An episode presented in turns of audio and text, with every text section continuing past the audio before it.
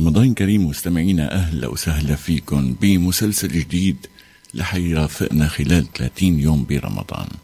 مسلسل هو قصص من القرآن الكريم وإشارات استفهام ممكن الناس أو اللي من مطلعين على الكتب يحطوها ويسألوا من خلالها عن القصة الفلانية يسمع عنوانها بس ما يقدر يعرف تفاصيلها. ليش في حجر أسود بالكعبة؟ ليش أو شو هو مقام سيدنا إبراهيم؟ شو المعجزات اللي كانت موجودة مع سيدنا موسى؟ شو هي المعجزات اللي كانت موجودة مع إبراهيم آه، أبو الأنبياء وآدم وحواء وكل القصص يلي ممكن يكون فيها إسرائيليات أو يكون فيها آه، قصص آه، مبتوتة بشكل كامل. يعني إنه هون في هي القصة خلاص انتهت وما عاد في مجال لأنها تتوسع أو لأنه ينحكى فيها وينعطى آراء كتير. نحن بهال 30 حلقة رح نحكي بقصص معينة. هي القصص ممكن يكون فيها روايات مختلفة ممكن يكون فيها إسرائيليات. شو الفائدة من الإسرائيليات اللي انحطت؟ ولماذا وضعت هي الإسرائيليات؟ ومواضيع كتير كبيرة. بالحلقة الأولى رح نحكي عن الحجر الأسود. هو الحجر الموجود بالركن الجنوبي الشرقي والموضوع على جدار الكعبة المشرفة بمكة المكرمة. هلا وفقا للمفهوم الإسلامي بل الحجر هو من حجارة السماء. يعني هذا بيتوافق مع مفهوم علمي أيضا وبتؤكده أبحاث حديثة. وحجر هو نيزكي جاء من الفضاء. بقى شو قصة الحجر الأسود؟ وشو هي صفته؟ هي رح نطلع عليها خلال الدقائق الجاية.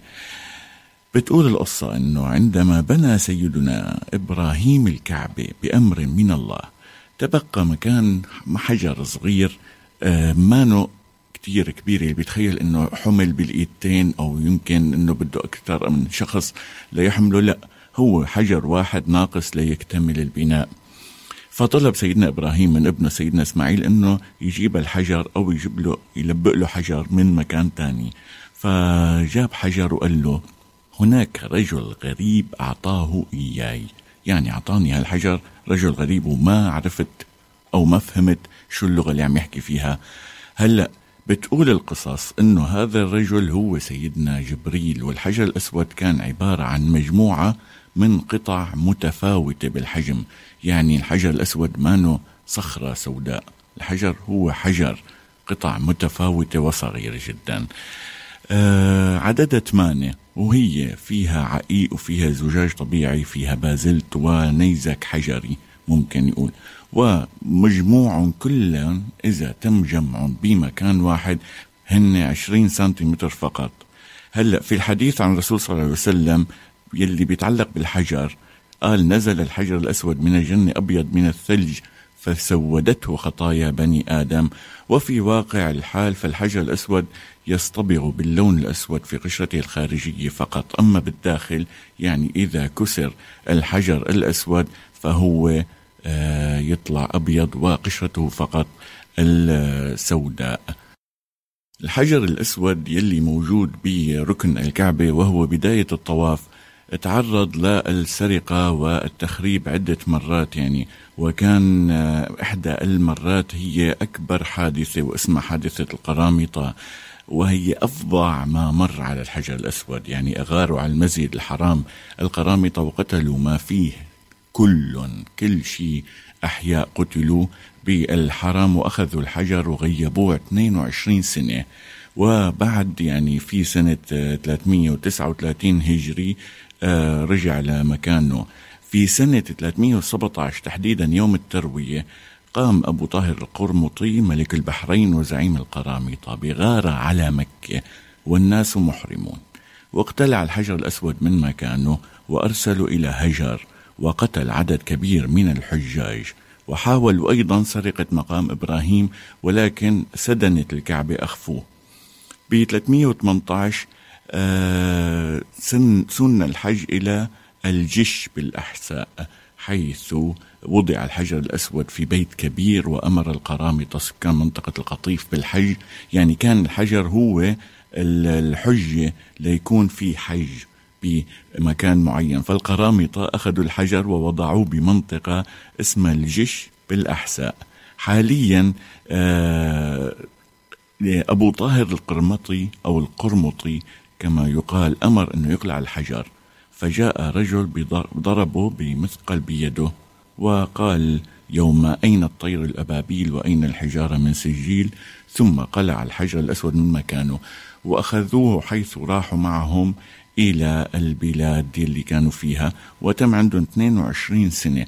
حاليا آه بعد ما تم آه مع القرامطة تقريبا 22 سنة حاولوا الخلفاء أنه يشتروا منهم وبيع أو اشترى الخليفة المقتدر بثلاثين ألف دينار. ولما إجوا ليسلموهم للقرامطة للخليفة أو لرجال الخليفة قالوا لهم شو عرفكم نحن إذا جبنا لكم أي حجر أسود من الغابة أو من الصحراء وأعطيناكم إياه.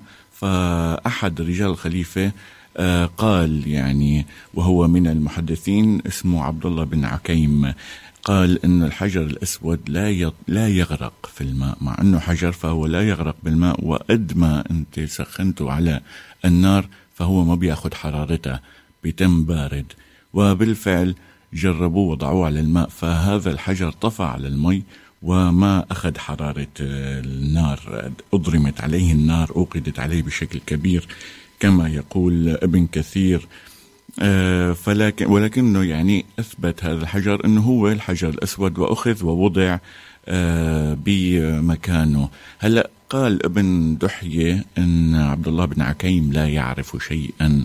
الحجر الأسود يلمد لا تخلل فيه والذي يطفو على الماء يكون فيه بعض الخلل كالخفاف وما شابهه. وكمان قال ابن كثير إنه ممكن كتير يكون القرامطة أعادوا الحجر إلى مكة بعد بيعه للخليفة يعني ما كان الخليفة المقتدر هو اللي أخذ الحجر. وهذا الحجر الأسود رد إلى مكانه في ذي العقدة يعني بشهر ذي العقدة. وكان ملكهم إذ ذاك أبو طاهر سليمان بن أبي سعيد الحسن الجنابي. ولما وقع هذا أعظم المسلمون ذلك وقد بذل لهم الأمير بحكم التركي أو بجكم. يعني الأمير بجكم التركي خمسين ألف دينار على أن يردوه إلى موضعه فلم يفعلوا القرامطة. وقالوا نحن أخذناه بأمر فلا نرده إلا بأمر من أخذناه به. فلما كان هذا العام حملوه إلى الكوفة وعلقوه على الأسطوانة السابعة من جامعها ليراها الناس. وكتب أخو أبي طاهر كتابا فيه. قال نحن أخذنا الحجر بأمر ورددناه بأمر من أمرنا. بأخذه ليتم حج الناس ومناسكهم. وهذا الموضوع صار عام ألف أو عام 363 للهجرية. حاليا الحجر الأسود موضوع بمكانه مانو كبير جدا وهو قد أنامل الإصبع أربع أو خمس قطع موجودة ولكن في عليه معجونة كاملة من المسك والعنبر ومن الشمع العسل حتى الناس ما تلعب فيه أو تتحرك فيه أو تاخده تقتلعه يعني فهو عامل آه، زاوية معينة في في الكعبة وهي بس قطع صغيرة بقدر الإبهام أو إبهام الإصبع بداية إبهام الإصبع. أصل الحجر الأسود إذا في ناس اختلفت قالت من السماء وفي ناس قالت ما بنعرف من وين ولكن العلماء بشكل عام قالوا أن الحجر الأسود أو المادة المصنوع منها الحجر الأسود أو التي شكلت الحجر الأسود يعني هي مانة موجودة بالكرة الأرضية ومكون من تركيبات كيميائية محددة غير موجودة بالكرة الأرضية. يعني ممكن يكون إثبات أنه من الفضاء الخارجي سواء نيزك أو من مكان آخر أو من الجنة كما قيل أنه من لآل جنة. مستمعينا بتكون الحلقة حلقة الحجر الأسود انتهت اليوم وبكرة حلقة جديدة بنحكي فيها عن مقام سيدنا إبراهيم والقصص المتعلقة آه، أو التي ارتبطت بهذا المقام منذ بدايته حتى الآن. بدي أتشكركم وصياما مقبولا وأفطارا شهيا بإذن الله.